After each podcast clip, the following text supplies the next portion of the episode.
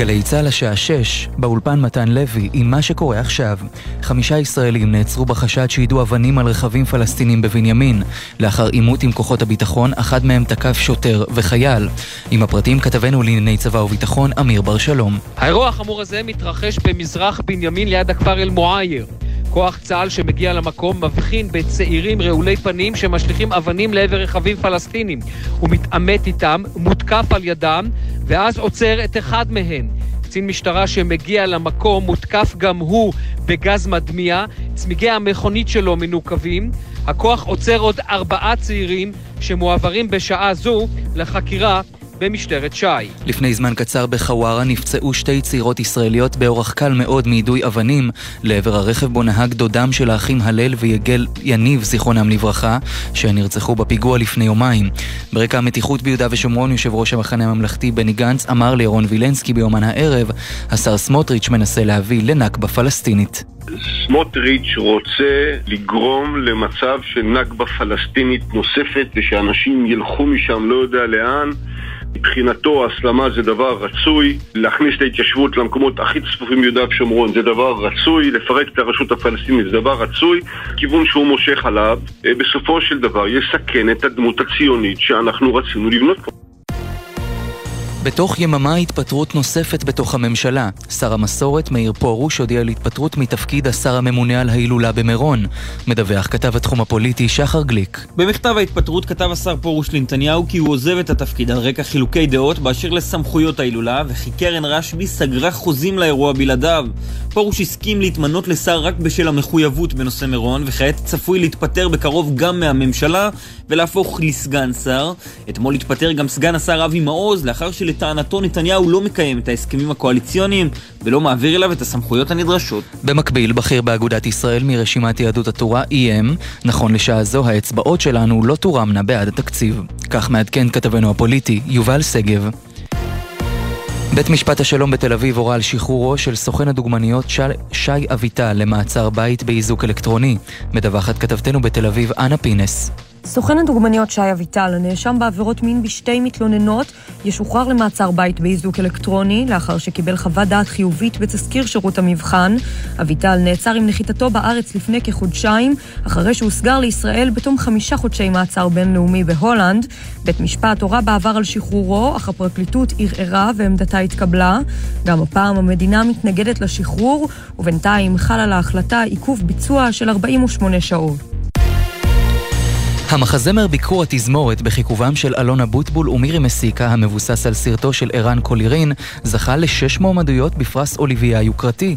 בין המועמדויות, המחזמר הטוב ביותר, אבוטבול מועמד לתואר השחקן הטוב ביותר במחזמר, ומסיקה מועמדת בפרס השחקנית הטובה ביותר. הפרס מחולק מדי שנה על ידי אגודת התיאטרון הבריטית, ומוענק להפקות אשר עולות על בימות התיאטרון בלונדון.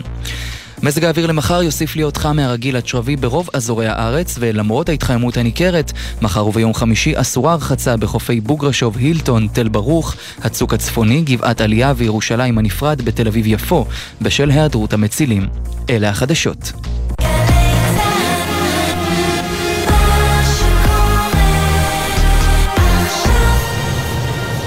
עכשיו בגלי צה"ל עמית תומר וסמי פרץ עם החיים עצמם. מה שקורה עכשיו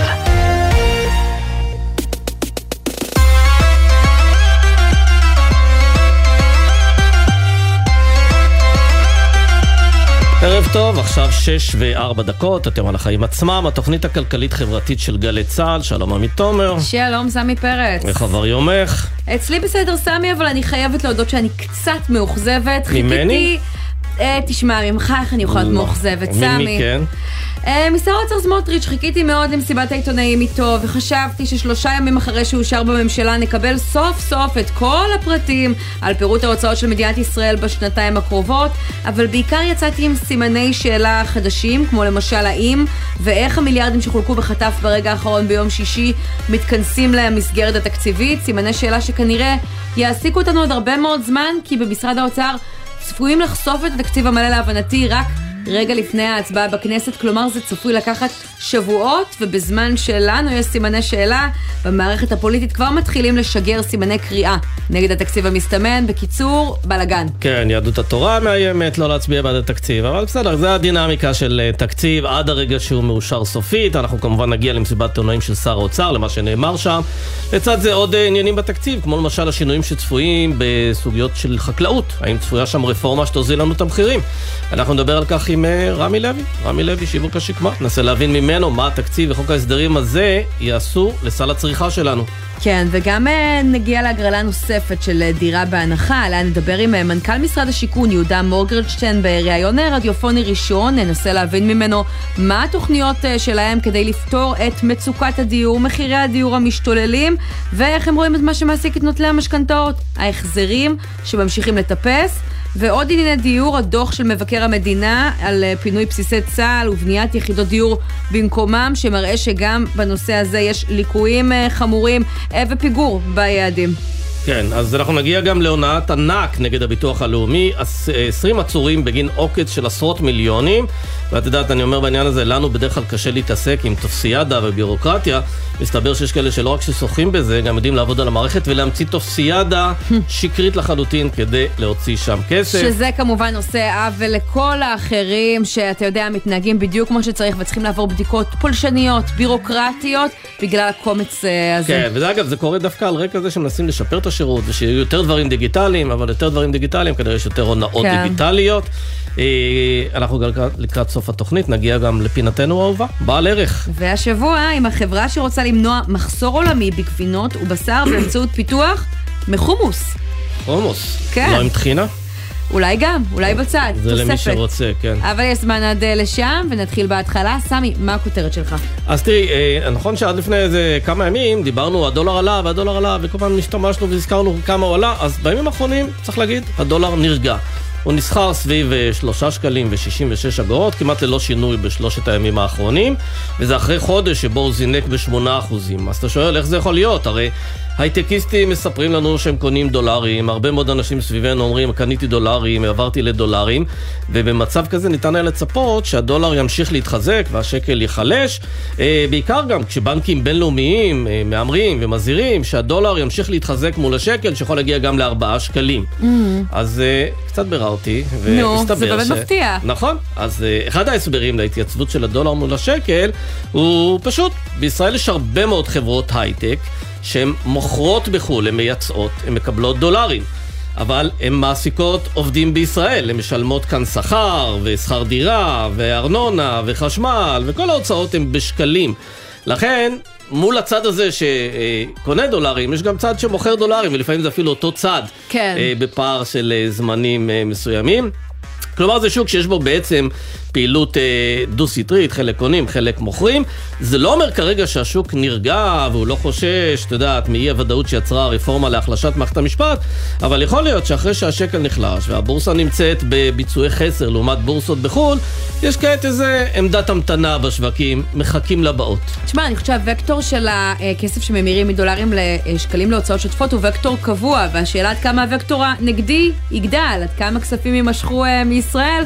ואם זה יקרה, אם באמת יהיה אה, גידול אה, דרמטי, כבר עכשיו אנחנו רואים איזשהו גידול ולכן אה, חלשות השקל, בסופו של דבר אה, גם השינוי הנגדי הזה לא יצליח לכסות את זה. כן, ויש עוד איזה עניין קטן. יכול להיות שגם חלק מהמשקיעים אומרים, טוב, הדולר כבר טיפס. אה, אנחנו לא יודעים מה תלד הרפורמה הזו, אולי תהיה איזה פשרה של הרגע האחרון, אולי הם כולם ירדו מהעץ או מחצי עץ וכדומה, ואז יחזרו הדברים אה, למצב תקין, אז אולי שווה גם קצת להמר בצד הזה. כן. והכותרת שלך היא? הכותרת שלי שבזמן שמשרד האוצר מנסה לשים תמרור עצור למיזוגים, רשות התחרות מאפשרת לדיפלומט היבואנית הגדולה בישראל להתקדם למיזוג עם חברת מוצרי הטיפול דורות. בהודעה ש- שלהם נכתב שהמיזוג לא יוביל לדחיקה של המתחרות או להגדלת הכוח של דיפלומט מול הקמעונאים, אולי כי הוא כבר הכי עצום שיש ממילא, ולכן במשרד האוצר כנראה לא יסכימו עם הממונה, עובדה שמקדמים שם במקביל יוזמה שלפי החברות עם מחזור שהוא אפילו שליש מזה של דורות לא יוכלו להתמזג אחת עם השנייה. אבל אני חייבת להגיד לך שיש פה עניין גם יותר רחב. באופן אירוני ההודעה הזאת יוצאת בזמן שיוצאת אותה הודעה של שר האוצר סמוטריץ' במסיבת העיתונאים, שאומר אנחנו נילחם בריכוזיות, אבל כרגע זה פחות או יותר מסתכם בדיבורים, היוזמות המשמעותיות מחוק ההסדרים, גם פירוק המונופולים הגדולים ביבוא וגם חיזוק היבוא המקביל יצאו ממנו ברגע האחרון, ובינתיים היחיד שעושה זה יושב ראש ועדת הכלכלה, דוד ביטן, אני חייבת להגיד, אתמול קידמו שם בקריאה שנייה ושלישית את החוק שיאפשר להטיל עיצומים על יבואנים רשמיים שיפגעו ביבוא אה, המקביל, אה, יוזמה שצריך להגיד גם שר הכלכלה ניר ברקת אה, שותף לה, אבל אני חושבת שזה, סמי, גם מדגיש לנו את הכוח אה, ואת החשיבות של הפרדת רשויות בימים שבה היא אה, מתערערת.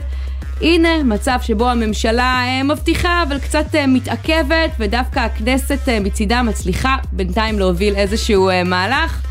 וצריך להגיד שאפו ופן ירבו. כן, ובעיקר גם צריך לנסות לקדם סוף סוף את החוק, ש... חוק, התקנה שמחייבת את היבואנים הגדולים לפרסם את הדוחות הכספיים שלהם, כדי שנראה בדיוק היכן ואיפה וכמה הם מרוויחים. בהחלט. נתחיל. נתחיל.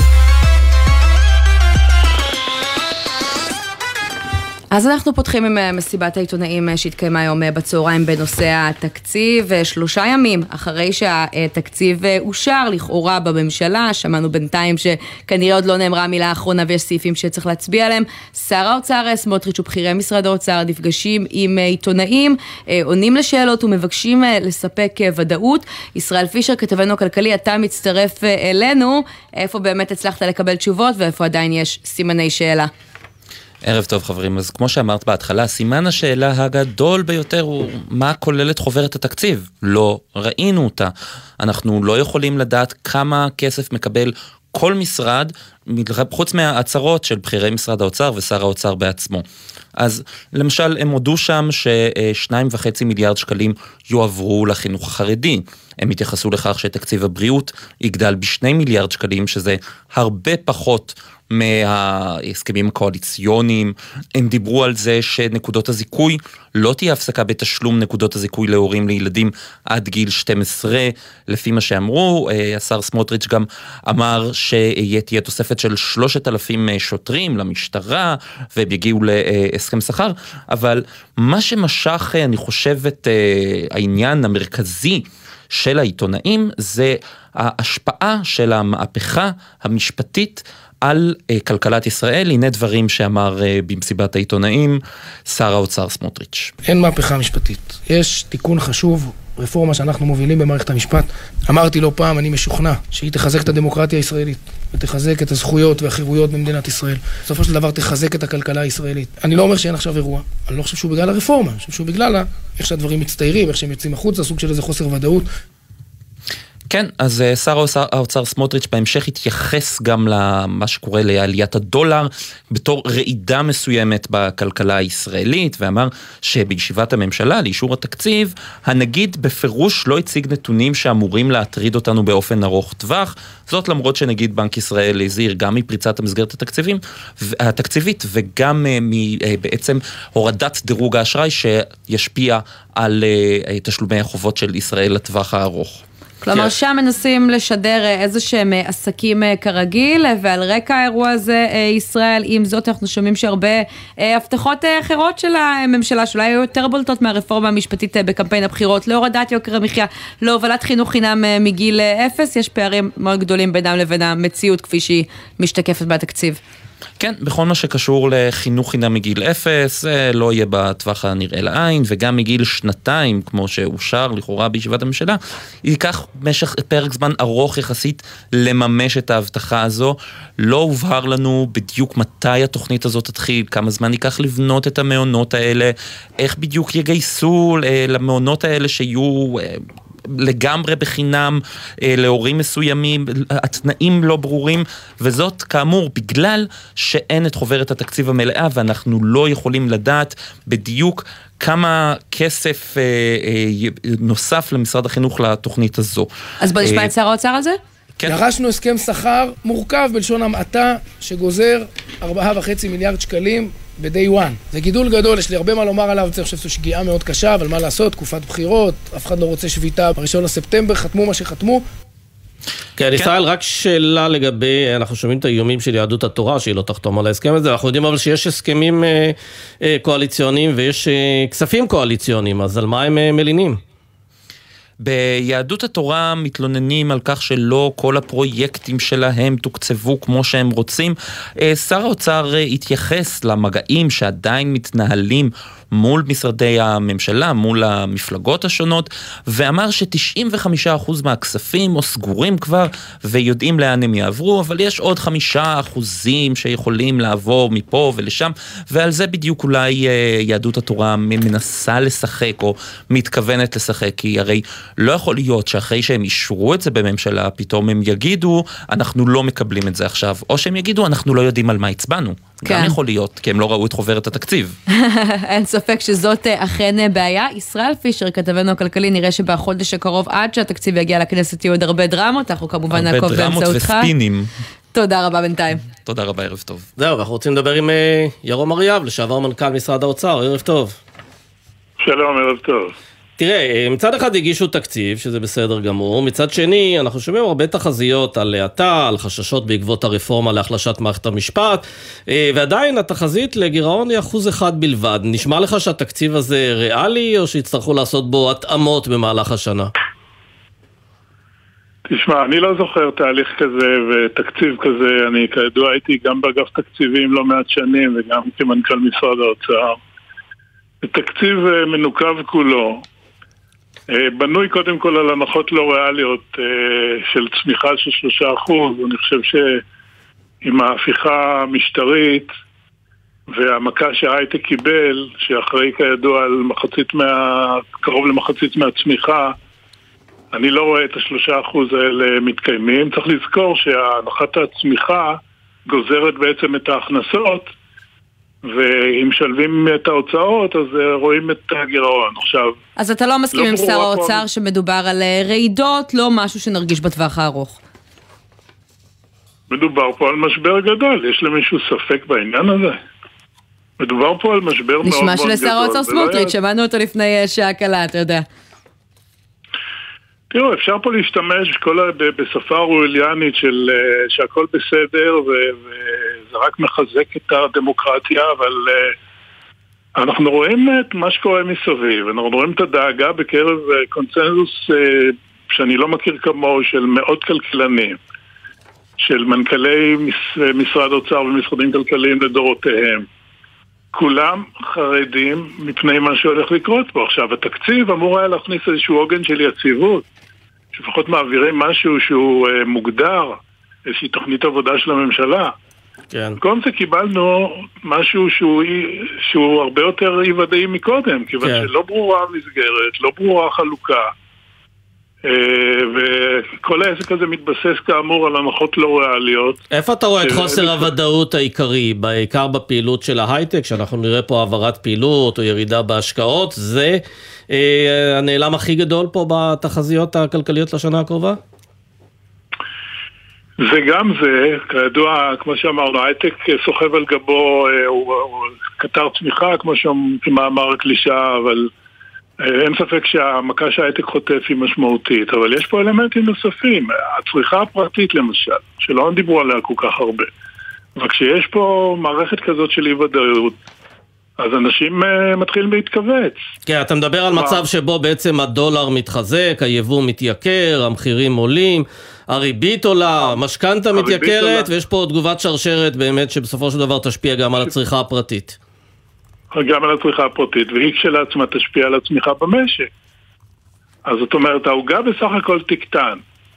עכשיו, כל, וכשאתה מלביש על זה באמת את תהליכי החקיקה או המהירים שקורים כרגע בכנסת, אז זה באמת סוג של מצעד איוולת אה, שלא לא ברור למה לקחת עכשיו את הסיכוי על, על כל הדברים האלה שהיום עם הכלכלה העולמית, עם האינפלציה, עם כל מה שקורה, להכניס גורם אי ודאות כמו תהליכי החקיקה האלה, באמת, מה ההסבר שלך טוב. לזה, ירום? אם, אם את הדבר הזה רואים כל כך הרבה כלכלנים וכל כך הרבה מומחים בארץ ובעולם, וכולם מזהירים מפני זה, מה ההסבר לכך שהממשלה בכל זאת דוהרת עם הרפורמה הזו? אז זאת שאלה, שאלה גדולה, כי אתה לא יכול להגיד, לפחות ראש הממשלה מבין את העניין, זה לא, גם יצא לי לעבוד איתו, אי אפשר, אפשר להאשים אותו שהוא לא מבין את העניין הזה. הוא לא מבין מה המשמעות של אה, זה. עזוב את 700 הכלכלנים בארץ, תראה מה שקורה בעולם. כן. האזהרות של ה-OECD, זאת אומרת, אין... אה, אז, אז למה ללכת במין ריצת אמו כזאת? אבל תגיד, ש- החששות אה, מאותה אה, רפורמה, אה, מהפכה משפטית, ככה באמת ידועים ורחבים, ואתה מסתכל על התקציב בעיניים האלה ואומר, אין בעצם הלימה בין ההכנסות הצפויות, בין הצמיחה הצפויה לבין מה שקורה. מעבר לזה, נניח שהכל הולך לפי התוכניות שלהם, האם התקציב הזה הוא ישים, תקציב שיביא את הכלכלה שלנו למקום טוב, אחראי, כמו ששר האוצר סמוטריץ' מבקש לקרוא לו? קודם כל צריך להבין מה זה התקציב הזה, לא ברור לי, אפילו המסגרת שלו היא לא ברורה. שלא לדבר על החלוקה. כלומר, זה נראה הרבה יותר כמו ביזה של הקופה הציבורית, מאשר תקציב כמו שאני רגיל לראות תקציב, כתוכנית עבודה, כמסגרת סדורה, כאיזה דבר שהוא אה, ברור, שהוא משדר, משדר ודאות, משדר ודאות לעולם, משדר ודאות לחברות הדירוג. כל, ה, כל הדבר הזה נעלם כרגע מהצעת התקציב שאושרה בממשלה. אתה מעריך שזה יוביל להורדת הדירוג, או לפחות לאיזה אזהרה של חברות הדירוג? אני, תראה, זה לוקח זמן עד שממש מורידים את הדירוג. זאת אומרת, אני מאוד מקווה שהורדת דירוג, מקווה ומעריך שבפעם הקרובה הורדת דירוג כנראה לא תהיה, אבל יהיו אזהרות. אגב, אומר בקולו שר האוצר, הוא אומר, אני לא אומר שאין אירוע. כלומר, כן. הוא מכיר בזה שיש פה אירוע, יש פה השלכות כלכליות משמעותיות לפחות בטווח הקצר והבינוני, אבל הוא טוען שבטווח הארוך אה, ההשפעות האלה יתפוגגו. כן, אבל אני רוצה רגע לחזור לסיפור התקציב, וכן אה, לשאול אותך בתור מי שהיה מנכ"ל משרד האוצר, אירוע כזה שתקציב מאושר בבוקר שאחרי הלילה הלבן, שספר התקציב לא מוצג וכנראה לא יוצג לציבור הרחב וגם אה, לפוליטיקאים עד אה, זמן קצר, בעוד כמה שבועות לפני שהתקציב יגיע להצבעה בכנסת. זה תקין? זה משהו שהיה יכול לקרות בתקופתך? אני לא זוכר דבר כזה. אני לא זוכר דבר כזה. תראו, כל הסחר מאחר בליל התקציב זה דבר רגיל, אין שום ספק. זה לא בדיוק שעתה היפה של כל המערכת, אבל זה כנראה כוח בל יגונה שבסוף כל אחד מנסה לחטוף משהו ולאיים, ודברים לפעמים נסגרים ברגע האחרון. אבל כמו שזה נראה לי כרגע, שום דבר פה לא ברור. זאת אומרת, זה שגם יצרו איזשהו אחוז גירעון, אה, איפה האמינות שלנו? האחוז גירעון בסיטואציה הנוכחית, כאשר יש הבטחות קואליציוניות כל כך נפ- גדולות, יש בקנה את הסכמי שכר, כן. אה, יש, יש את כל שיעורי הצמיחה שאמרנו שהם באי ודאות אחת גדולה ו, ושבהכרח ייפגעו. כן. כל הנושא הזה לא בא לידי ביטוי בתקציב. תקציב צריך להיות מבוסס קודם כל על הנחות ריאליות לגבי מה שהולך לקרות. זה לא קיים. ירום אבי אריאב, לשעבר אה, מנכ"ל משרד האוצר, תודה רבה לך על הדברים האלה. תודה.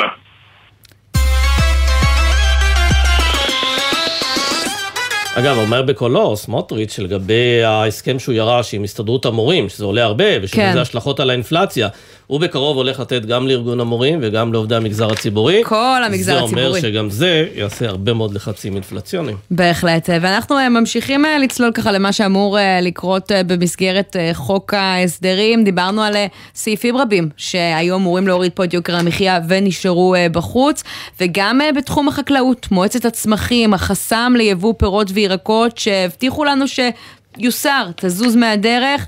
נשארת, וגם ההקלות ביבוא בשר לא נכנסו ברגע האחרון. עינב קרנר, כתבתם על צרכנות, את עם הפרטים. נכון מאוד, אז אה, ערב טוב עמית וסמי. נאמר שתקציב משרד החקלאות בשנים 2023 ו-2024 יעמוד על כשני מיליארד שקלים בשנה. זה בערך תוספת של יותר מעשרה אחוזים לעומת התקציב הקודם מבחינת התוספות, שאפשר לראות אה, 20 מיליון אה, שקלים לתקציב אה, הניקוז, גם אה, לקחו בחשבון את אה, משבר האקלים וההתחממות הגלובלית, שגם שם תהיה תוספת של 100 אה, מיליון שקלים, אבל באמת בואו בוא נראה באמת את הדברים שיותר משרתים אותנו בחיים עצמם ביום-יום. אז יש פה את כל הנושא של היבוא, אה, אה, אה, יבוא ביצים אגב, במארזים אה, קמעונאים, אה, זה כרגע יצא מחוק ההסדרים, מה, ש, מה שאומר נותן עוד איזשהו אוויר לנשימה. למגדלי אה, התרנגולות אה, בארץ וגם הנושא של היבוא בשר שהיה במסגרתו כל מיני הקלות, אה, גם בתנאי היבוא עצמם, הוא הוסר אה, מחוק ההסדרים. לכך תיקבע ועדה משותפת של משרדי החקלאות אה, והבריאות כדי לקבוע את נוהלי היבוא. אבל למה זה קרה בעצם, עינב? זה קרה משום שיש לחצים של המגדלים בישראל, או בגלל שנכנסו שרים חדשים והם חושבים אחרת על יבוא של מוצרים חקלאיים? שתי התשובות נכונות. אני יכולה להגיד לך שרק בשבוע שעבר הייתה גם אה, פגישה של אה, ראשי החקלאות, אה, וכן, אין ספק שגם מצידם, אגב, לאורך כל הדרך, גם בממשלה הקודמת, הם תמיד הרימו דגל אדום שהדברים הללו יפגעו בהם. ויכול להיות שבאמת שר חדש שעכשיו הגיע, אז הוא רואה את הדברים אה, מנקודת אה, מבטו.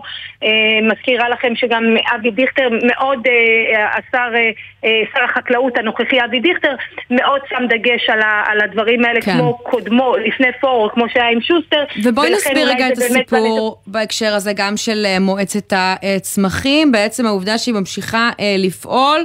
אומר שהרבה ירקות ופירות, גם אם המכסים עליהם יורדים, דה פקטו לא יהיה אפשר להכניס לישראל, נכון? כרגע זהו, הנושא הזה, ש, ממה שאני מבינה, הם יצטרכו גם להגיע להבנות, כי בסופו של יום יש פה את כל הנושא הזה של מזיקים, והמטרה היא מצד אחד כן לאפשר יבוא, מצד שני לא לגרום להשבתה של אה, גידולים מקומיים, כי מספיק שיגיע משלוח עם מזיק שנכנס לאחד מהשטחים, זה יכול לפגוע גם... איזשהו שינוי בפעילות של הנכנס לחוק ההסדרים? ש, שמה? איזשהו שינוי בפעילות של המועצה הזאת שיאפשר כניסת פירות וירקות ביש, לישראל, דבר שהיום בהמון אה, תחומים הוא לא אפשרי, נכנס לחוק ההסדרים? כרגע רק אמרו שהאיסור אה, אה, הזה ימשיך לפעול, זאת אומרת של כל היבוא פירות וירקות שיש בהם מזיקים, הוא ימשיך, האיסור הזה כן קיים, אבל כן תבוצע בקרה והערכת סיכונים מעת לעת. כדי אה, לבדוק אה, אה, את הדבר הזה. אגב, זה יותר מהצד של משרד החקלאות, מבחינת האוצר הם רוצים לבטל את החסם הזה לגמרי, כן. אבל כרגע אה, זה נשאר, וצריך לומר אגב בהקשר הזה גם שראינו שעוד לפני המזיקים, אני לא, לא רוצה לגעת בעניין הזה, אבל מבחינת היבוא ראינו שלא תמיד היבוא אם אנחנו מסתכלים גם על הכיס שלנו כצרכנים, לא תמיד הוא מוזיל לנו את המחירים, וראינו כן. את זה למשל עם השום, שירד שם המכס לגמרי, מכס אפס, הגיע השום לארץ, אז כל המגדלים, כל מגדלי השום, מה שנקרא, לגמרי הפסיקו לגדל שום oh, okay. ובעצם נשארו עם סחורה אדירה, ומצד שני המחיר גם לא הוזל. אה, עינב קרנר, כתבתי על צרכנות, תישארי איתנו תכף לדבר גם על אה, פורים. נפנה רגע למי שכנראה לא יסכים איתך בעניין הזה, רמי לוי, מנכ"ל ובעלים של רמי לוי שיווק השקמה, שלום. שלום וברכה, ערב טוב. אתה שומע את הדברים, מה המשמעות מבחינתך של ההחלטות האלה בחוק ההסדרים? תראי, המשמעות מבחינתי היא דבר פשוט. מה שאנחנו רוצים שאם יש סחורה בארץ והמחיר הוא הוגן, נקנה בארץ. למעשה מה שקורה, אנחנו רואים שההיצע הוא הרבה יותר קטן מאשר הביקוש, ורואים שהמחירים בשמיים. לכן, כל מה שאומרים מסביב זה לא מעניין את הצרכן. הצרכן בסוף רוצה להביא אוכל הביתה. לא, אבל כשמדברים על להביא דברים שיש בהם מזיקים, אז זה התירוץ הקבוע. שאתה אומר, אם אני אביא ממקום אחר, יהיה בזה מזיקים, הצרכן ייפגע, ואנחנו לא רוצים לפגוע בו. השאלה אם זה תירוץ, ושאתה שומע אותו הרבה מאוד שנים, ואיך אפשר להתגבר על התירוץ הזה. תראה, אני אגיד לך. למעשה אנחנו רואים שיש הרבה יבוא בכל אירופה. למשל ניקח בננות. אז אני לא מבין, שם אין מזיקים? רק בארץ יש מזיקים. אני רואה שמייבאים מכל, מאפריקה, מכל מיני מקומות איפה שמגדלים בננות, ומוכרים את זה בחצי מחיר מאשר בארץ. אגב, בצרפת כותבים על כל לא מוצר לא גם מאיפה הביאו אותו. אתה קונה בננות בסופר, אז כתוב לך שאת זה הביאו מחוף השנהב או אה, ממדינה אחרת. אז אין בעיה, בנושא הזה אין שום בעיה. ברגע שאין סחורה וצריכים להביא מחו"ל, אז שיחשבו שזה לא, לא תוצרת הארץ. עדיף לקנות בארץ, אבל לא תמיד יש סחורה. למעשה ההיצע הוא הרבה יותר קטן, ולמעשה האנשים משלמים הרבה יותר יקר בגלל שאין סחורה. אף אחד לא רוצה לייבא כל עוד שיש אה, סחורה ושהמחיר הוגן. מתי הם מייבאים? שאין סחורה והמחיר בשמיים. אז תעשה לי סדר רגע, כי בהסכמים הקואליציוניים ראינו שאמרו אנחנו נגן על החקלאים אה, ולא נכניס את כל השינויים האלה לתוקף, מה שהממשלה הקודמת אה, התחילה, אה, ביטול חוק הגנת הצומח שיאפשר הבאת פירות וירקות מחו"ל וכולי. דיברנו פה לפני כמה שבועות, אמרת הממשלה התעשתה, זה כל כך חשוב בעיניי, והנה ברגע האחרון אנחנו רואים את הדבר הזה נשאר מחוץ לחוק ההסדרים. אתה יודע לספר לנו מה קרה שם מאחורי הקלעים? תראה, בדיוק אני לא יודע מה קרה, אבל כל אחד בא המציא את מה שהוא חושב ש... איזה... יקל עליו ויטיב איתו. אבל מצד שני, בסופו של דבר, אני, אני בעד זה שבאמת יעזרו לחקלאים, ושמי שצריך לעזור לחקלאים וצריך לסבסד אותם זה המדינה. ומצד שני, אם יש, יש בעיה של היצע, שהמדינה תפתח את השוק בצורה חופשית ושתפצה את מי שצריכה לפצות. היום מי שמפצה בתכלס זה הצרכן שהוא משלם יותר יקר ברגע שאין סחורה. כן, תגיד לי, כשאני רואה בעצם חוק ההסדרים שלא ממש טיפלו בבעיות של החקלאים וגם לא בבעיות של היבואנים, כלומר, מה זה אומר לגבי יוקר המחיה אה, בשנה הקרובה מבחינתנו? יישאר כרגיל ואפילו יתייקר? תראה, מבחינת אה, יוקר המחיה, אנחנו מסתכלים, הרי בסוף המחירים עלו, חלק מהמחירים עלו. אנחנו גם רואים שני... שיבואנים מעלים מחירים, היום ליימן שליסל מעלה את המחירים, ועוד כמה אה, יצרנים ויבואנים שכבר העלו בשבועות האחרונים. ומצד שני אנחנו גם רואים את דברים אחרים, שעלויות הטיפול גם עולה, אם זה חשמל וכל הדברים האלה מסביב, ארנונה וכל זה, וברגע שזה עולה, באופן אוטומטי, כדי לשמור על הרווח הגולמי שלך, הטיפולי שלך, אתה גם תצטרך להעלות את הרווח הגולמי שלך. זה אומר שגם אתה, זה אומר שכשהיבואנים, הספקים שלך מעלים מחירים, גם אתה צריך להעלות מחירים עוד מעבר למחיר שהם מעלים? תראה, בוא, אני אגיד לך, אנחנו זה לא, לא קנה מידה, כי אנחנו עובדים על רווח גולמי מאוד מאוד נמוך. ואנחנו עושים את הכל כדי שבאמת להטיב עם הצרכנים שלנו. מצד אחד. מצד שני, גם יש גיוון מאוד מאוד רחב, אבל לא על זה מדברים, על מה שמביאים ליימן סליסל וכל זה. כשליימן סליסל מעלה את המוצר על מוצר מסוים, יש לזה גיוון, יש, אם הוא מעלה בפיצוחים, יש פיצוחים של חברה אחרת ואתה יכול לקנות אה, חברה, של חברה אחרת. אבל ירקות ופירות, שיש פה חוסר, אתה לא יכול אה, לא להביא את זה, הרי בסוף כדי להביא את זה אתה צריך להביא, להביא את זה מחו"ל. אבל תגיד, בהקשר של אה, ליימן אה, שליסל ככה, אני זוכרת אותך רק לפני כמה חודשים עומד על הרגליים האחוריות נגד אותם יבואנים שמנסים להעלות מחירים, אומר, אומר אנחנו לא נקבל את ההתייקרות הזאת גם אם הם לא יהיו על המדפים שלנו. נשמע לי שעכשיו אה, זאת לא ממש הסיטואציה, אתה מתכוון לאשר את ההתייקרות של ליימן לא, לא. שליסל? לא. קודם כל הוא לא פנה אליי, אני ראיתי את זה דרך התקשורת ודיברנו על זה עכשיו בגלל שדיברתי. Mm. הם לא פנו אלי, אלינו שהם רוצים להעלות מחירים. אנחנו לא כל כך מהר אה, נאשר ליצרנים להעלות מחירים או לספקים או ליבואנים. לא כל כך מהר אנחנו מאשרים להם להעלות מחירים. כן, רמי, זה... תגיד, אה, יש עניין שמעסיק מאוד את הכלכלה, בעיקר את ההייטק, יש רפורמה של הממשלה להחלשת מערכת המשפט. הרבה מאוד חברות הייטק מעבירות כספים לחו"ל, מביעות דאגה מהשלכות הרפורמה. אה, אתה גם מודאג? קנית דולרים? תשמע, בוא אני אגיד לך, בוא, בוא נספר את הסיפור האמיתי. הרי בסופו של דבר, למה אנשים קונים דולרים? קונים דולרים כי מקבלים היום על הדולר ריבית יותר גבוהה. לא בגלל שהם רוצים להוציא את הדולר או לא להוציא את הדולר. מספרים פה סיפורים. הרי בסוף אם אתה מקבל, אם יש לך כסף בפק"ם והיית מקבל שלושה וחצי אחוז, והיום על דולר אתה מקבל שבעה אחוז, אז אנשים ממירים את הכסף משקל לדולר. אז קנית דולרים או לא, רמי? תראה, אני את כל הכסף שלי משאיר בארץ, אני לא מאלה שבאים ומתחילים לדבר ולהגיד, אנחנו הולכים להוציא את הכסף לא, אני יודע שאתה משאיר בארץ, השאלה אם עברת לדולרים במקום לשקלים. אה, אני, העסק שלי הוא בשקלים, אז אני נמצא בשקלים, אבל אם אני צריך לייבא, אז אני קונה גם דולרים. כן, אבל נשמע שאתה לא ממש מוטרד מהחששות הכלכליים. אני לא, לא מוטרד, אני מוטרד מכל אלה שלמעשה, במקום לשמור על המדינה, הם מזיקים למדינה. אפילו נניח והם צודקים בחלק ממה שהם אומרים, אבל בין זה ולבוא, לקרוא לעולם, לא להשקיע, לא להשקיע פה כסף ולהוציא את הכסף, אני נגד האנשים האלה. אנחנו על המדינה שלנו צריכים לשמור ואין לנו ארץ אחרת. אבל אני חייבת לשאול אותך אה, לסיום ככה, אני רוצה להחזיר את השיחה לאיפה שהתחלנו אותה לענייני אה, יוקר המחיה ואיך שהם מתבטאים אה, בתקציב. כשאתה רואה בסוף עם מה נשארנו בתקציב, גם בהקשר של החקלאות, כל ההבטחות שלא התממשו, שאתה אמרת זה יוכל להוריד פה את יוקר המחיה, גם בצעדים אל מול היבואנים. יכול להיות שהממשלה עסוקה ברפורמה ודחקה את יוקר המחיה, לא מטפלת במה שחשוב, כמו שהבטיחה בקמפיין הבחירות? אני אגיד לך, תראי, הממשלה הזאת היא קיימת רק כמה חודשים, אני לא יודע, אני לא איש פוליטי, אני לא בקטע הזה. לא, לא פוליטי, אבל נגיד הזכרת את החשיבות של מחירי החשמל, והנה גם שם הבטיחו לנו שיבטלו את ההתייקרות. לא עשו את זה. תראי, אם הם לא, אם הבטיחו ולא, ולא, ולא קיימו, זה לא בסדר. אם, אם הבטחת, תקיים. ואם צריך להוריד את מחירי החשמל, שיורידו את מחירי החשמל. למעשה, אנחנו יודעים שלא זול פה, ולא זול פה בגלל שמה שקורה, כל עליות התפעול של כל עסק ועסק הם גבוהים. למה? כי המדינה אשמה. יש פה רגולציה גדולה, אה, אה, ענקית וקשה. יש פה אה, מכסים ומיסים הרבה יותר גבוהים מכל מקום בעולם. נתתי אז דוגמה ללא מזמן. רגע, אבל אתה רואה שהממשלה הזו הולכת לשנות את זה? אתה הרי תומך בממשלה הזו, אז מה אתה אומר?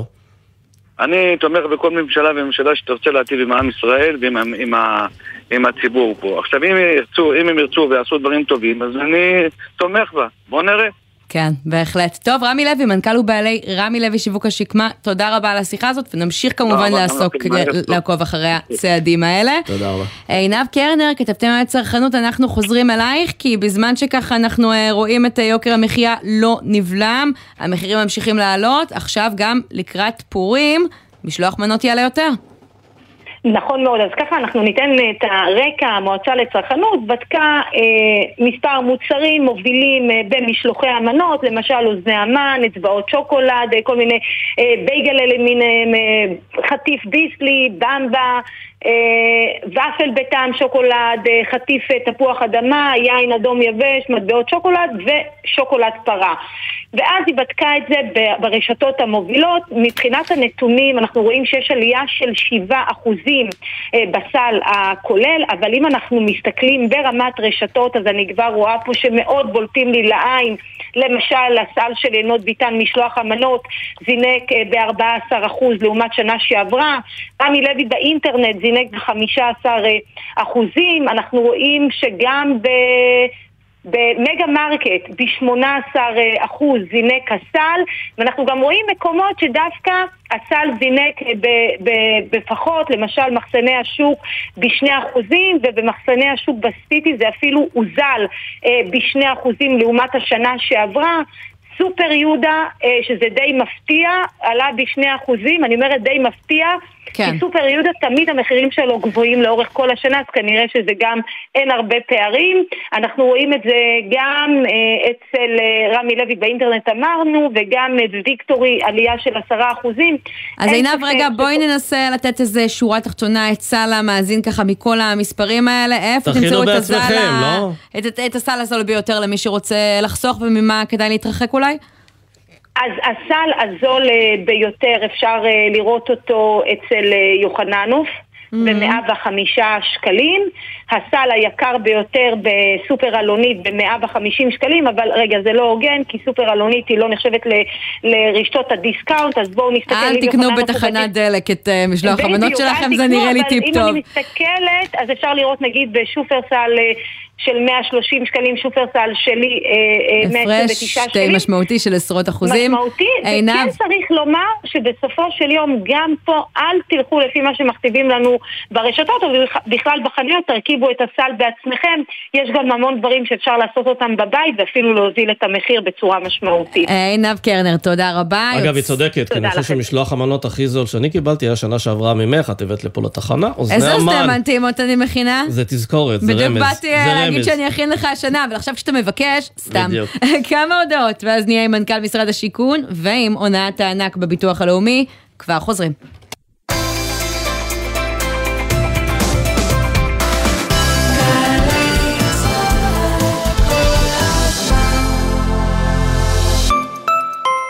שמי שרה לייכט, שנים לא סיפרתי את קורותיי בתקופת השואה, עד שבאו אליי מיד ושם. כעת הסיפור שלי מונצח, למען הדורות הבאים. שרה הלכה לעולמה בשנת 2021.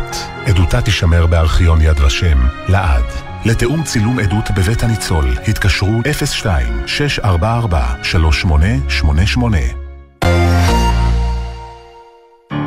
שלום, אחינועם בר פה. מחקרים מראים שאדם מרגיש 13 סוגי רגשות כשהוא שומע מוזיקה. אני חושבת שאני מרגישה יותר. בואו איתי לשעה של שיטוט מוזיקלי, גדוש במוזיקה מכאן ומשם, חדשה וישנה, מרימה וממוטטת, שתגרום לכם להרגיש את כל הרגשות, יחד. ליקוטים עם אחינועם בר, מגזין מוזיקה מפה ומשם.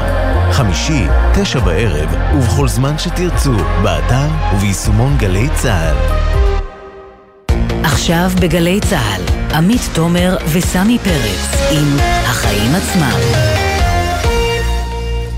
עכשיו אנחנו למחירי הנדל"ן על רקע ההיבלמות בעליות המחירים שעדיין צריך לומר מתייקרים אבל יותר לאט. משרד השיכון הודיע אתמול על הגרלה גדולה של דירה בהנחה אחרי חג הפסח ובעצם בכך הממשלה החדשה מבשרת לנו ההגרלות יימשכו גם במשמרת שלנו ואנחנו רוצים אה, לשמוע עוד על התוכניות של הממשלה אה, לקרב אלינו את אה, חלום הנדל"ן מיהודה מורגנשטיין, מנכ"ל משרד הבינוי והשיכון, שלום.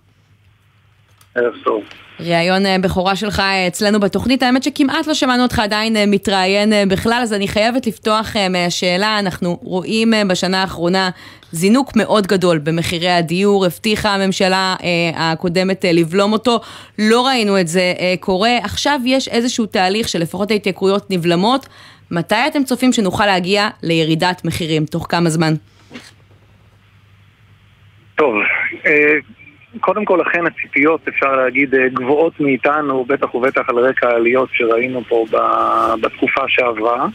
אז אה, אני לא רוצה לבוא ולתת אה, יעד או מספר ברגע זה, אבל אין ספק שאנחנו מזהים את המגמה, אנחנו רואים לאן הוקטור מוביל, ואנחנו נעשה הכל בשביל להמשיך אה, ולהוריד את מחירי הדיור. השאלה אם תעשו את זה במסגרת של הגדלת ההיצע, הגדלה משמעותית של ההיצע, או במסגרת מבצעים נקודתיים כאלה של דירה בהנחה, שהם פותרים בעיה למעט אנשים יחסית. אז לשם בדיוק אני מכוון. בסופו של דבר, מחירי הדיור נקבעים, יזם, ולא משנה מי הוא, בסוף ממקסם את הרווח שלו. כשאנחנו מזהים יהודה מורגנשטיין, אנחנו לא שומעים אותך? אתה איתנו? לא איתנו. נראה לי שהוא אה, ירד לנו מהקו, תכף הצוות שלנו ינסה להעלות אותו שוב, ונוכל אה, לשמוע ממנו על כל התוכניות, גם על אה, הגרלות דירה בהנחה. בינתיים את רוצה, אני יכול להגיד לך את דעתי על הגרלות. בבקשה. תחשבי שבעצם דירה זה מוצר, מוצר ציבורי, מוצר שאתה רוצה לספק אותו לאנשים, קורת גג. Mm-hmm. יש הרבה מאוד מוצרים כאלה, אבל בשום דבר אחר אתה לא נותן, לא עושה את זה בהגרלה. אתה לא מגריל למקום בכיתת לימוד, אתה לא מגריל תור לרופא, אתה לא מגריל תור ל-MRI. ואיכשהו בדירות הדבר הזה התקבע. העניין הוא שזו הטבה מאוד משמעותית, והיא הולכת יחסית למעט מאוד אנשים. צריך לחשוב איך אתה לוקח את כל ההטבה הזו, כן. ואתה יודע לחלק אותה על יותר אנשים. ובעיקר גם שני... לא לדחוף אנשים לקנות דירות, כשלא בדיוק בא להם לדחוף, לקנות דירות. אז שני דברים, אחד זה דווקא אמור לעודד אנשים לשבת על הגדר, כי בסוף בסוף יגיע תורך אה, לזכות, אבל אני חושבת שיותר מזה פעם הנה. יהודה איתנו שוב, או. אז אנחנו יכולים להפסיק לקשקש ולשאול אותו את השאלות. את השאלה הזאת, כן. כן, קודם כל מתנצל. אה, אני אומר, בשביל לבוא ולראות את מחירי הדיור, פוגשים נקודת שיווי משקל חדשה. אנחנו רוצים לשמר את היקף השיווקים, לשמר את כמות ההיצע שידענו להביא בשנתיים האחרונות. זה יהיה אתגר לא פשוט. זאת תהיה אה, שנה שבה לבוא ולשווק למעלה מ-100 אלף יחידות דיור, יהיה אתגר שהוא יהיה אתגר מאוד מאוד מורכב, אבל זה בעצם יעדים שאנחנו רוצים לשים לעצמנו, מתוך הבנה שככל ואנחנו נשמר את יעדי השיווק, אנחנו צריכים מצד שני גם כן לוודא שעסקאות לא רק אנחנו משווקים, אלא גם כן עסקאות תופסות במרכאות. חלק ממה שעשינו בתקציב הנוכחי, ושמנו מאות מיליוני שקלים למה שנקרא סעיף האצת נדל"ן, mm-hmm. לגרום למכרזים בצורה נקודתית. באזורי הביקוש אנחנו לא חוששים שמכרזים לא ייתפסו, אנחנו בטוחים שמכרזים ייתפסו, אם כי האינדיקציות שלנו שמחירי הקרקע ירדו. הקרקע רגישה הרבה יותר לשינוי במחירים מאשר הדירות, גם כי היזמים מבינים שהם לא יכולים לגשת בסביבת ריבית כזאת ולתת הצעות שהן גבוהות, וגם כי בסופו של דבר בעולם ביקוש והיצע, את הקרקע אנחנו חווים את הירידה אין את מהלך התכנון, שיווק, בנייה. לא, אבל איך אתה. דוחף את הקבלנים לבנות ולא לדגור על הקרקעות האלה, כי הם מחכים עד שהשוק, אתה יודע, לווסת בעצם את המחירים בשוק? על נקודה מצוינת. once שנשמר אחד את השיווקים, אנחנו מאמינים שאנחנו נראה... אבל אין אה, קנס למי שקנה קרקע ולא מיהר לבנות. בחוק ההסדרים, בחוק ההסדרים, משרד האוצר אה, בשיתוף עם אה, אה, רשות מקרקעי ישראל, משרד הבינוי והשיכון, אנחנו מובילים לא מעט רפורמות, אחד שנותנות תמריצים לבוא ולבנות בקבועי זמן קצרים יותר, שתיים, לבוא ובמרכאות, אני לא אוהב את המילה לקנוס, אבל לא לאפשר דגירה על הקרקעות או ספסור בקרקע, מה שיכול להיות שהיה יכול לקרות בעבר. איך? איך זה יעבוד? אני חייב... אני אומר, יש פשוט לוחות זמנים שבו קבלן צריך לבוא ולהתחיל mm. לבנות.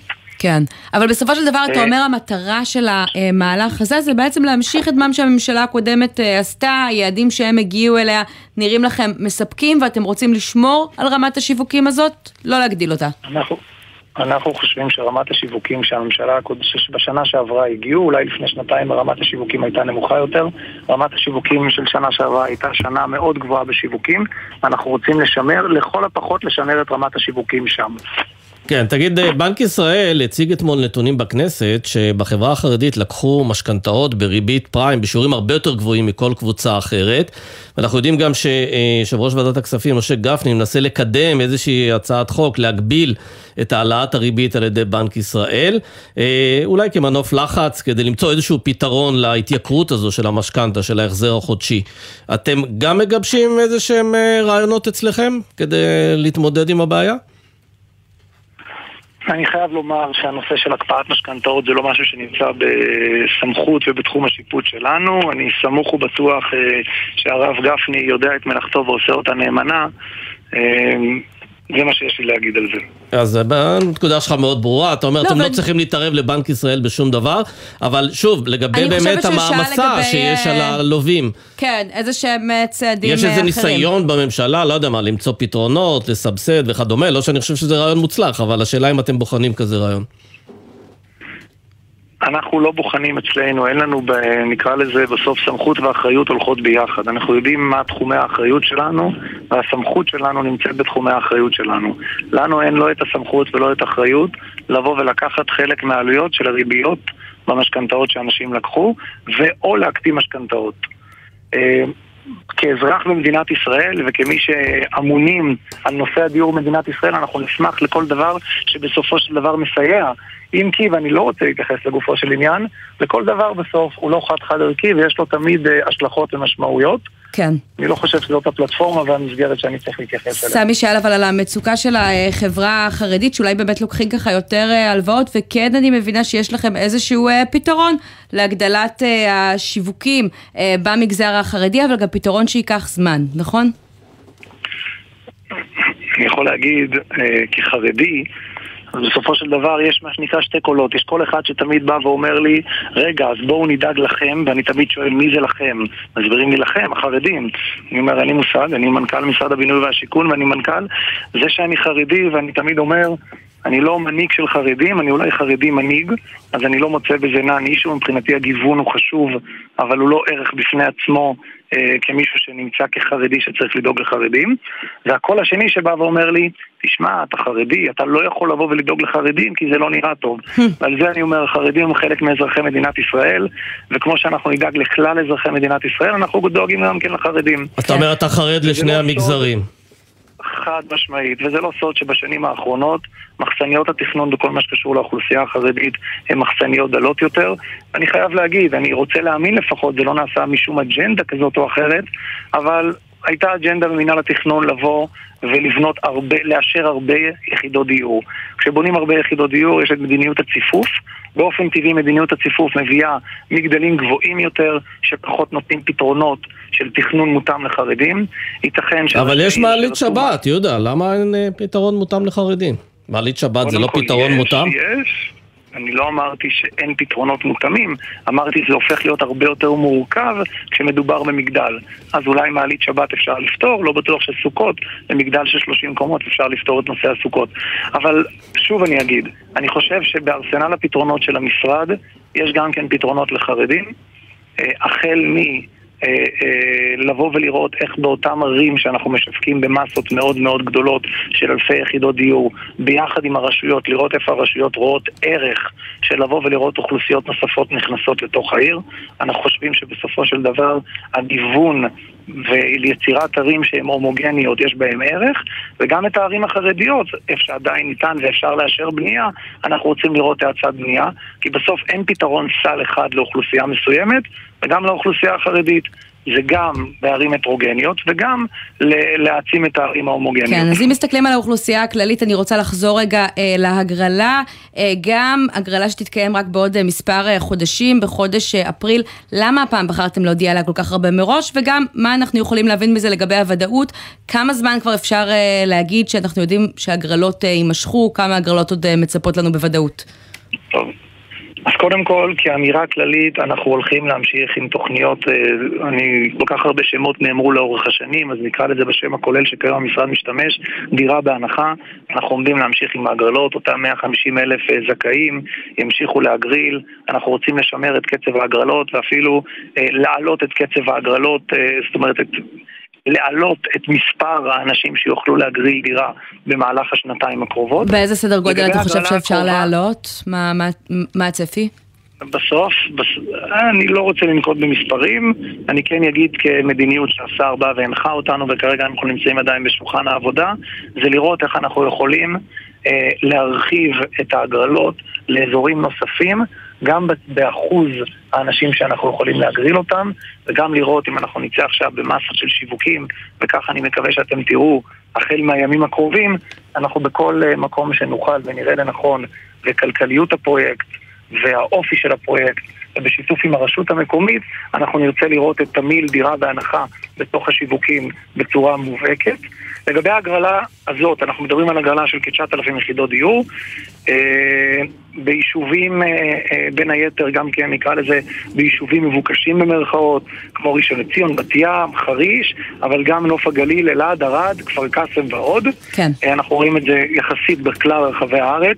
הסיבה שאנחנו מודיעים מראש, זה יחסית מוקדם, ולשמחתנו מגיע חג וחג הפסח. כן. אז אה, לא משנה אם אה, זה חופשה משפחתית בארץ או בחו"ל, או שזה סתם עסוקים בניקיונות הפסח או בכל עיסוק אחר סביב החג. שיהיה אנחנו זמן לא להיערך. רוצים שמרוצת הימים אה, תבוא ותגרום למישהו שלא יספיק אז אם אתם זוגות צעירים וזה רלוונטי לכם, לא צריך למהר, אבל תירשמו, יהודה מורגנשטיין, מנכ"ל משרד הבינוי והשיכון, המון תודה ובהצלחה בתפקיד החדש. תודה לכם. ואנחנו עוברים לירדנה דורון, מנהלת אגף אה, בחטיבה הביטחונית במשרד מבקר המדינה. ערב טוב. ערב טוב. אה, דוח מבקר המדינה היום אה, חושף שבעצם המדינה שיווקה רק 16% מהדירות שהייתה אמורה לשווק בעקבות פינוי מחנות צה"ל.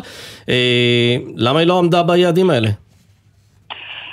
התוכנית להעתקת יחידות צה"ל תוכנית שבעצם התקבלה בהחלטת הממשלה בינואר 2015 והייתה אמורה לפנות אה, מחנות משישה מחנות אה, עיקריים. אה, בפועל אה, צריפין. פונו באופן... אה, כן? שדה דוב, צריפין, תל השומר, סירקין, גנים וטירה. נכון, שיש לנו. בפועל פונו באופן מלא אה, טירה, שדה דוב וסירקין, בתל השומר וצריפין וגנים. חלקם פונו באופן חלקי וגנים טרם החל. עכשיו, אה, במסגרת הפינוי אמורות היו להקים, אפשר היה להקים כ-69 אלף אה, יחידות דיור.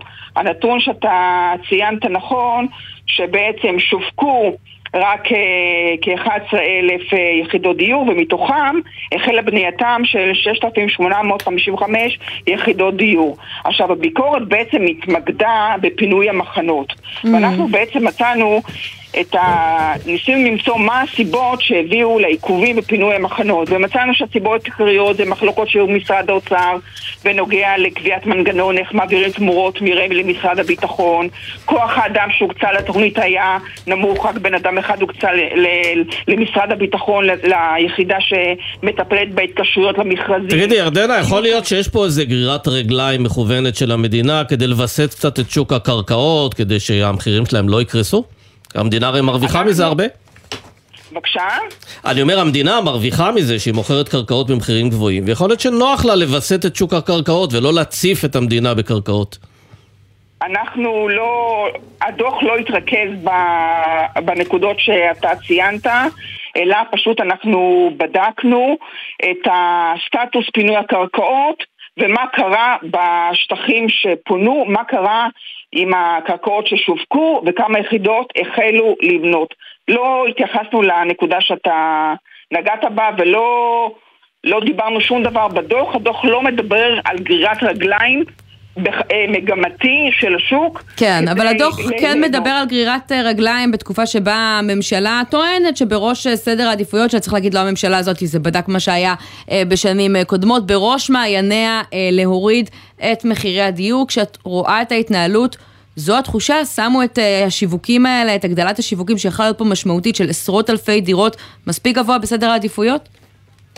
תשמעי, זו תוכנית אה, שהתקבלה בהחלטת ממשלה, בהחלטת ממשלה, החלטות מטבען צריכים לקיים, הוקצו לזה גם תקציבים, הוקצה תקציב של 18.5 מיליארד לנושא הזה, וצה"ל החל, ואי אפשר להגיד שצה"ל לא החל לפעילות, הוא פינה, סך הכל שיש- הוא פינה 65 אז איפה הבעיה? מי כשל בתפקידו? שהיו- בבקשה? מי התמהמה בתפקידו? תשמעי, יש שלושה גורמים שמטפלים בהעברת המחנות. משרד הביטחון, משרד האוצר ורמ"י. כמו שאני אמרתי, הייתה מחלוקת במשרד האוצר בנוגע להעברת מנגנון תמונות, הייתה מחלוקת שנמשכה ש- שנה וחצי. כן, אבל תגידי, למה בהסכמים כאלה אין איזה מנגנון של אה, קנסות על זה שלא עומדים בלוחות הזמנים? הרי יש לזה מודל כלכלי לפינוי של קרקעות, והרבה מאוד דברים נכון, אחרים גם- נגזרים גם- מזה. אנחנו כתבנו בין היתר שלא היה מנגנון אה, של קנסות ואנחנו באמת אה, בפרויקטים עתידיים, אה, פרויקטים אחרים שנקבעו אחרי זה שהוא אה, המנגנון הזה הוכנס באמת, הם הגיעו למסקנה שבאמת היה צריך לעשות את זה. אבל זה לא היה בפרויקט הזה, נכון. כן, וזה נזכיר בזמן שכן אה, קידמו אה, בעצם אה, את אותם קנסות על הקבלנים שלא יעמדו ביעדים בבנייה, כנראה שהממשלה לא מכילה את אותה דיל כלפי עצמה, כלפי המשרדים שלה. ירדנה דורון, משרד מבקר המדינה, תודה רבה לך על הדברים האלה. תודה רבה. לא נספיק בעל ערך היום. תראה על מה זה. שתורמים לאנושות, אולי נדבר על מישהו אחר שאולי פחות תורם לאנושות, או שתרומתו לאנושות מוטלת בספק. כן. אילון מאסק הוא חוזר להיות האיש העשיר בעולם, אה, וגם אה, מנסה לפתח מתחרה לצ'אט GPT. למה אתה אומר שהוא לא עוזר לאנושות? יותר אה, אה, בינה. מלאכותית לכולנו. זו השאלה, יותר עוזר או יותר מזיק? אה, עומר עזרן איתנו, ספרי לנו. כן, אז אה, הלילה המיליארדר והיזם אילון מאסק השיב לעצמו את התואר האדם העשיר ביותר בעולם, ככה לפחות לפי הנתונים של בלומברג. עלייה במניות טסלה. שראינו הלילה בעצם השיבה אותו למקום הראשון, אחרי שאם אתם זוכרים בחודש מרץ הוא הודח למקום השני ופינה את מקומו לאיש העסקים הצרפתי אה, ברנרד ארנו. ההון של מאסק, מנכ"ל טסלה, ספייסקס ולאחרונה גם הרשת החברתית טוויטר מוערך היום בכ-187 מיליארד דולר, אה, והוא אמנם מחזיק עכשיו בתואר של האיש העשיר ביותר בעולם, אבל הוא גם האדם שהפסיד את ההון הגדול ביותר בהיסטוריה. זה קרה אה, בשנה שעברה, גם כשהוא רכש את אה, טוויטר, גם המניות של אה, טסלה ירדו, אבל מתחילת השנה הוא התאושש, ומניות טסלה עלו בכמעט 70 אחוז. כן, ויכול להיות שכל הסיבוב הזה בטוויטר אה, עזר לו, כלומר, מה שנקרא אין פרסום רע, מדברים עליך, עוסקים בך, כן. אתה כל הזמן בכותרות, אז אה, זה גם עוזר לך להעלות את ערכך. ואם הזכרנו את המיזם החדש שלו? כן, אז אה, הוא פונה בשבועות האחרונים, לפי פרסומים, לחוקרי בינה מלאכותית לגבי הקמה של מעבדת מחקר חדשה. הוא מנסה לפתח אלטרנטיבה לצ'אט GPT של חברת OpenAI, מה שמעניין שב-2015 הוא היה אחד מהיזמים שהקימו בכלל את החברה הזאת, ב-2018 הוא יצא מהדירקטוריון בטענה שדברים שהוא הולך לפתח הולכים להיות בניגוד עניינים. כן. עומר עזרן, כתבתם על הטכנולוגיה, יהיה מעניין לראות איך זה יתקדם, כן. מה שבטוח כנראה שיהיה רווחי. תודה רבה על תודה. הדברים האלה. אנחנו סיימנו. נגיד תודה לעורך שלנו, בן נצר, למאיה שוקן וברק בטה שהפיקו. על הביצוע הטכני היו אורי דהן וקיקו נדב, עורך הדיגיטל הוא אביתר בר-און, ותכף יהיה פה עידן קבלר עם 360 ביום. אני עמית תומר, סמי פרץ, תודה רבה. תודה רבה. מחר אנחנו לא נהיה כאן, יש משדר מיוחד אה, מקורס אה, חובלים, נשוב ביום ראשון. כן, עם בעלי ערך. כן, נתגעגע. ביי. בהחלט, ביי.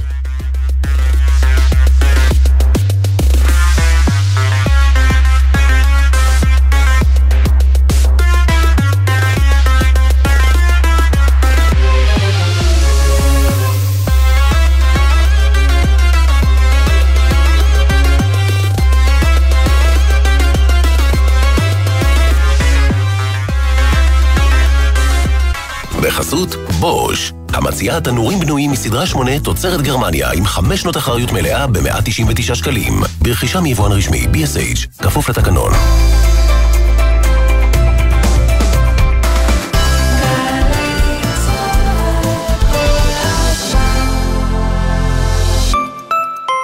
פסטיבל אישה בתיאטרון חולון. יוצרות ומבצעות נבחרות מגישות את מיטב יצירתן במגוון מופעי מקור ובכורות. 1 עד 4 במרס בתיאטרון חולון. מהנדסת נתונים ועד תכנון שבבים. הפקולטה להנדסה באוניברסיטת בר אילן גאה להשפיע, להשקיע, להפתיע. מה אתם צריכים לעשות? רק להגיע. מפגש מתעניינים, 2 במרס, 4 וחצי, בפקולטה להנדסה, אוניברסיטת בר אילן. הג'ם, ג'ם, ג'ם, ג'ם, ג'ם, ג'ם, הג'ם, ג'ם, ג'ם, ג'ם, ג'ם, ג'ם, ג'ם. הג'ם של קוטנר. בכל חמישי יואב קוטנר מארח את האומנים הכי מעניינים להופעה חיה באולפן. והשבוע שרון חזיז ומופע ההצדעה ליצחק קלפטר. הג'ם של קוטנר, עכשיו ביוטיוב של גלגלצ, וביום חמישי בשתיים בצהריים בשידור בגלי צה"ל. שלום, כאן יואב גינאי. המוסיקה ברדיו גרמה לי להבין מגמות בחברה שלנו. הסרט האחרון שראיתי בקולנוע לימד אותי על הכלכלה שלנו. והצגת התיאטרון האחרונה שעלתה לחצה לי על הנקודות הכי בוערות במדינה. כי זוהי תרבות, המראה הכי חדה לחיים שלנו. ולכן, בכל שישי בבוקר אני שואל, מה יהיה בתרבות? מה יהיה עם יואב גינאי? שישי, תשע בבוקר, גלי צה"ל. מיד אחרי החדשות, עידן קבלר.